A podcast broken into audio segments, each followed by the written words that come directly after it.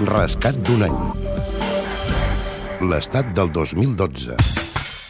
Colòmbia i les FARC negocien la pau. El 18 d'octubre es constitueix formalment a Noruega la taula de negociacions entre el govern i la guerrilla colombians. Colòmbia i les FARC fan el primer pas per la pau a Noruega.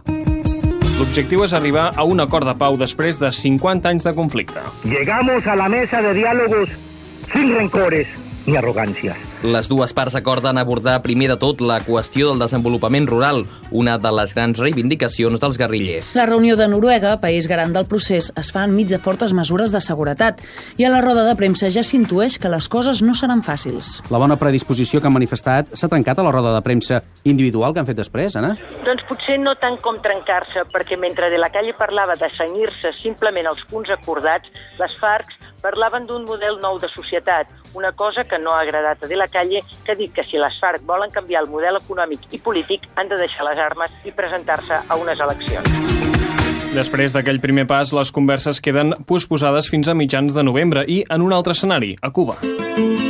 Per llavors, les FARC es reserven un anunci important. El secretariado de las FARC acogiendo el inmenso clamor de paz de los más diversos sectores del pueblo colombiano, ordena a las unidades guerrilleras en toda la geografía nacional el cese de toda clase de operaciones militares ofensivas contra la fuerza pública. Són dos quarts i mig de cinc de la tarda. La guerrilla colombiana de les FARC ha anunciat una treva de dos mesos just el dia en què comença a Cuba una nova fase de les negociacions de pau entre el govern colombià i la guerrilla. L'objectiu d'aconseguir la fi de les operacions de la guerrilla més antiga de l'Amèrica Llatina sembla més a prop que mai, i també l'accés i el repartiment de terres a Colòmbia, on un 1% de la població és propietària de més de la meitat dels terrenys.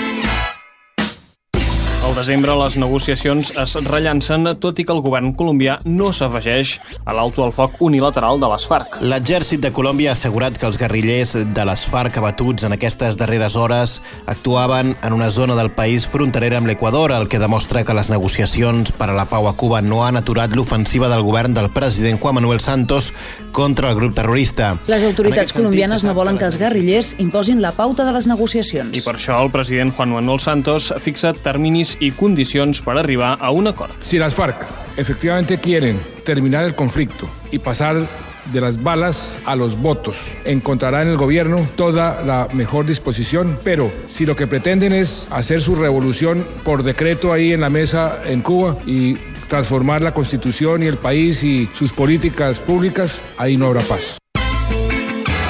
Anna Cortades, enviada especial de Catalunya Ràdio a Oslo amb motiu de les converses entre Colòmbia i les FARC. La roda de premsa conjunta a Oslo de la delegació governamental colombiana i la de les FARC va ser l'escenificació davant la premsa de les converses de pau. A partir d'aquí va quedar clar que les negociacions es farien amb absoluta discreció. Les delegacions tenien la sensació que el fet que les negociacions anteriors, les del Caguan, fossin seguides pas a pas, havia estat una de les causes del fracàs. La roda de premsa va posar sobre la taula que les converses no serien fàcils. Molts deien que les FARC hi arribaven debilitades, però els guerrillers van deixar clar que a la taula no farien concessions. Des de llavors, l'exèrcit ha fet importants baixes a les FARC, però la sensació és que les operacions militars van per una banda i les negociacions per una altra. Rescat d'un any. L'estat del 2012. Edició Joan Bota i Marc Jurado. Producció Anna Escura i Mercè Ribas. Muntatge musical Joaquim Garcia.